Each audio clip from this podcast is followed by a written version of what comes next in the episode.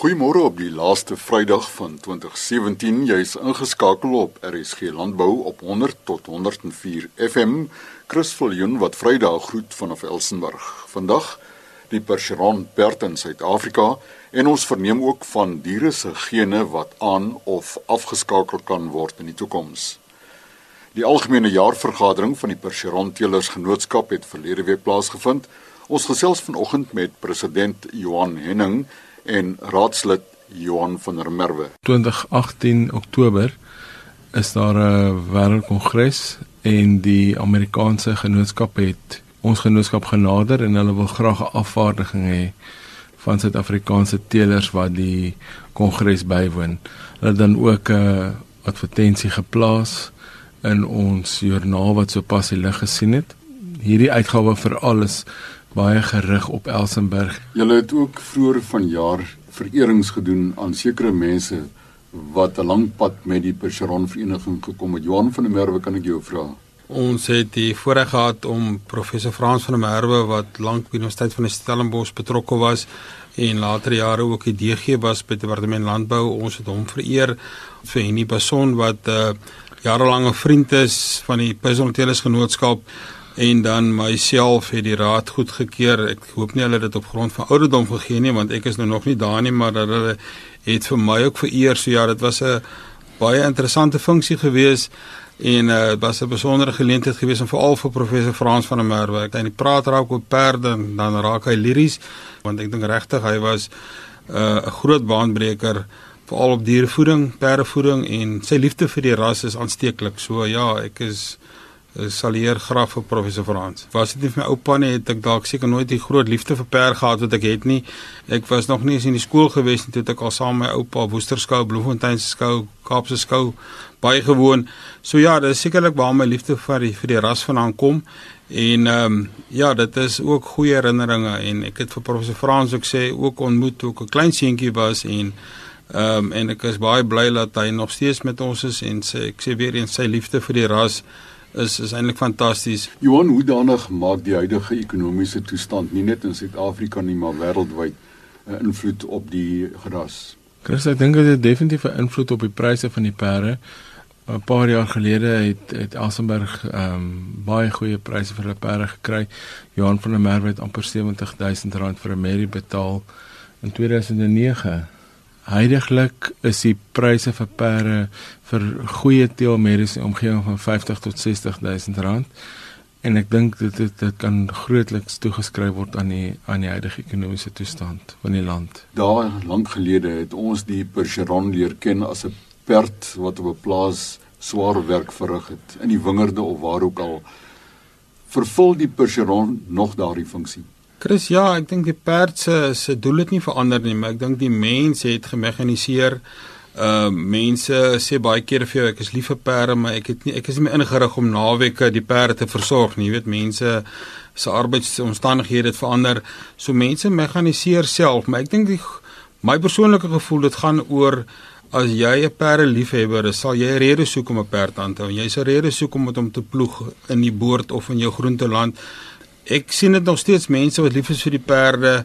Hier naby soms het Wes is 'n plaas wat organic farming doen, organiese verbouing doen en hulle gebruik volstoom net Percheron perde. Jy kry mense in die Oos-Kaap is daar mense wat op 'n daaglikse basis nog steeds die voer uitry vir die beeste. Uh hier in Robertson is 'n man wat ek weet wat ook elke dag sy perdewaandjie gebruik en die mense ry voer uit vir die ander diere. Die mense gebruik dit, maar ek dink daar het 'n groot klemverskywing gekom. Chris ek dink baie gewild. Is 'n perd wat aandag trek vir al sy uh, voorberei vir skou met sy vlegsels en sy stert wat opgetrek is. Soos die Engels sal sê definitief 'n showstopper. Chris dit gaan mos nou maar hoofsaaklik oor die stamboom van die perd hoe sy die teeling van die merrie en die hings want ek bedoel ons in Suid-Afrika het mos die probleem oor die jare gehad dat ons omdat daar so relatief min diere ingevoer was in die 80 en die 90 jare het ons 'n redelike hoë inteelingskoëffisiënt bereik met die onlangse ehm um, hangse wat ingevoer is, fokus die mense op om hangste op medies te gebruik wat nie te na verwant is nie. Kyk as jy jou jong dier, jong merrie teelings, jong hangs moet klas of identifiseer vir teeldoeleindes dan is dit maar die normale bouvorm konformasie ehm um, jy weet hy moet aan die rasstandaarde voldoen. en dan soos ek sê op die stadium uh speel hoogte 'n groot rol want ons oor die jare het ons perde 'n bietjie kleiner geraak maar ons het groot vordering gekry met die Franse hingste wat nou besk vrylik beskikbaar is in Suid-Afrika en die nageslag wat nou die laaste paar jaar gebore is het ons weer vinnig perde geteel wat in lyn is met die rasstandaarde van Frankryk en Amerika. Christian dan wil ek ook net sê ehm um, daar's uh, Dr Lisa Sandberg van Elsenburg is uh, tans besig met in samewerking met die raad en van die teelers om die intelingskoëffisiënt van die Besronperde in Suid-Afrika te bereken. En dit sal baie interessant wees om te sien wat die resultate is uh, wanneer sy klaar is met haar studie. Johan die perde op Summerwind verg hulle spesiale veeartsenykundige aandag. Christus sal sê 'n ver spesiale vir artsenykundige aandag nie. Uh ons het wel 'n uh, groot probleem op Summerwind um, in terme van West Nile virus. Die perde word jaarliks geënt. Daarvoor ons het een perd verloor en een perd deurgehaal. Maar in teenstelling met perde siekte het ons 'n groter probleem met West Nile as met perde siekte. Ons en dan ook ons perde jaarliks met die onderspoort ehm um, en stof en dan is daar ook 'n instof van Dr. Daan Goosen van uh Disease Control Africa ehm uh, wat ons met groot sukses in samewerking met die onderspoort instof uh gebruik om seker te maak dat ons perde ehm um, totale beskerming geniet. Dan is ek ook bewus dat jy maak van tyd tot tyd gebruik van 'n perde tandarts as ek dit so mag noem. Ja.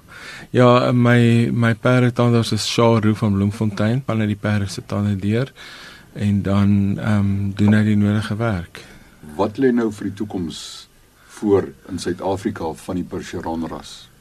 Chris, ek dink ons is ehm um, na afloop van hierdie algemene jaarvergadering is ons uh, baie opgewonde. Ons het ons het groot planne ons 'n nuwe sekretaresse aangestel, mevrou Helene Pope van Pretoria. En dan ehm um, beplan ons 'n uh, nasionale veiling uh in Gauteng. Ehm uh, moontlik Julie of Augustus maand wat sal saamloop met die algemene jaarvergadering en 'n uh, inligtingsdag. Ek dink dit by Marcus oogpunt het ons besluit om in 2018 'n bietjie op Gauteng te fokus en ek is baie opgewonde oor die nasionale vergadering. Ons gaan mense reg oor die land teelers reg oor die land uitnooi om perde in te skryf wat natuurlik vooraf gekeur sal moet word want dit gaan 'n elite veiling wees want ons glo daar is waarde as ons die perde op 'n ander manier kan. Jy weet byvoorbeeld jy het net maar vroeër gepraat van van uh in die verlede trek trek uh, diertrekkrag of trek dierkrag Ehm um, in die Transvaal Gauteng is daar baie mense wat die perde gebruik vir dresseer doeleindes. So daar is definitief 'n ander mark. So uh, ons is baie opgewonde om dalk ons beste perde volgende jaar in Gauteng ja. aan te bied. En moontlik ook dan van die Kaapse perde daar bo in Gauteng te sien op ons veiling. Twee raadslede van die Percheron-teelers Genootskap van Suid-Afrika, Johan van der Merwe en president Johan Henning Die genootskap se webtuiste is www.percheronsa.co.za en die e-posadres sa.percheron@gmail.com. Van die Percheron perd na die Nguni bees. Ida Linde, MSc student aan die Universiteit van Pretoria doen navorsing saam met professor Michiel Skols van LNR op Irene. Dit is in Jeemse in Suid-Afrika, is een van die inheemse um, rasse. Dit is 'n baie harde ras, word gebruik in ekstensiewe um, omstandighede en is baie vrugbaar. Hy word baie gebruik in kruisdeling as 'n moer as 'n dam.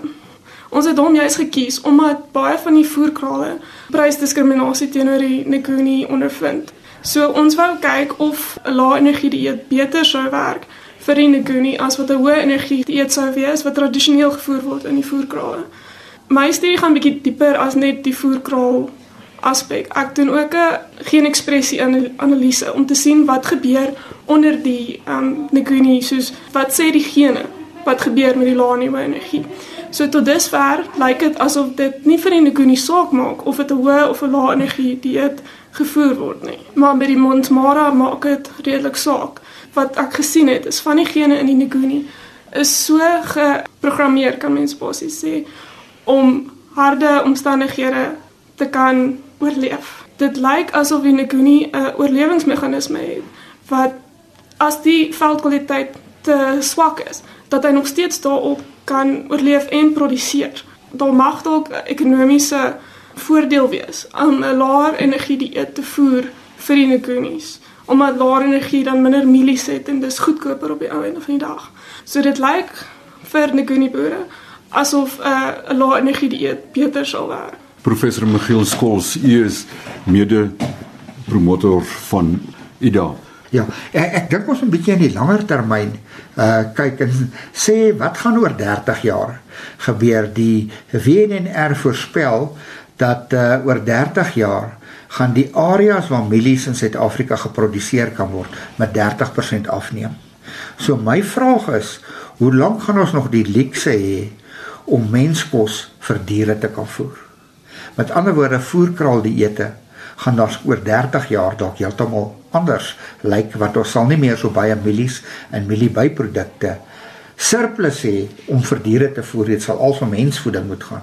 En daarom dink ek is hierdie studie om gene te manipuleer of aan en af te skakel om laer energie rand so dieete uh, te benut gaan eintlik vir ons vorentoe 'n meganisme gee om nog steeds diere met aanvaarbare groei tempos in die voerkrale te voer maar deur die gene so te manipuleer dat hulle beter groei met minder energie. En daar's nog, nog baie water in die see loop voor ons daarby kom, maar ten minste dis die begin van navorsing wat dalk oor 30 jaar kan vrugte afwerp. Ek dink dit is oornag werk nie. Ehm um, die ding is om geen aan en af te skakel. Hang baie van die omstandighede rondom die dier af. Want 'n lae hoë energie dieet kan diegene aan en af skakel. So ook aan ander omstandighede soos 'n droogte of te veel son, soos heat stress of iets in daai lyn. Baie van hierdie aan en afskakeling gebeur op die oomblik. Dit is spesifiek aan die oomblik of aan die kos wat gevoer word of aan die omstandighede rondom die diere. Maar daar bestaan uh, iets soos epigenetika. En epigenetika is waar 'n uh, ekstreme omgewingsgebeurtenis sekere gene kan aan en afskakel. En die interessante is, daai aan of afgeskakelde gene word dan van die ouer na die nageslag toe oorgedra. So omgewingseffek kan veroorsaak dat die nageslag totaal anders presteer maar hulle genetiese samestelling is nog presies dieselfde as voor daai omgewingseffek. Uh en dus vir albei melkbeeste kyk die Nieu-Seelanders nou hoe hulle epigenetika kan gebruik terwyl die fetus nog in die baarmoeder is. Daai fetus so te programmeer dat sy meer vaste stowwe gaan produseer as hy eendag 'n koei word. Dis 'n nuwe veld en dit moet glad nie met geneties gemodifiseerde organismes verwar word nie, want daar word nie nuwe gene in die dier ingevoeg nie. Dis net die dier word gestimuleer dat sekere gene of aan of afgeskakel word. As ons maniere kan kry kan ons dit dalk afhangende van die betrokke seisoen kan ons besluit watter gene moet aangeskakel word en watter gene moet afgeskakel word deur bloter is 'n uh, rantsoenverandering. Hulle het by pluimvee gevind dat kuikens wat hulle op dag oud uh, aan hitte stres blootgestel het, uh, meer bestand teen hitte uh, stres is want die gene daai kyker was nog so jonk dat die geen nog kon on of afgeskakel word. So daar's 'n klomp moontlikhede, maar ook nog 'n klomp onsekerhede en dis hoekom dit vir ons as veekundiges lekker is om navorsing te doen. Die man wat sy navorsing so terdee geniet is professor Michiel Skols van LNR op Irene saam met MSc student Ida Linde daarvan die Noord-Kaapse wêreld. Ida se e-posadres is linde.d by arc.agric.za die telefoonnommer op Irene 012 672 9111 Die program kan weer gehoor word op die Elsenburg se webtuiste www.elsenburg.com of navraag by telefoonnommer 072 142 1614 Dan in RSG Landbou môreoggend om kort voor 12 gesels ons vanaf die Kammiesberge oor die bekamping van erosieslote. Chris Viljoen wat groet.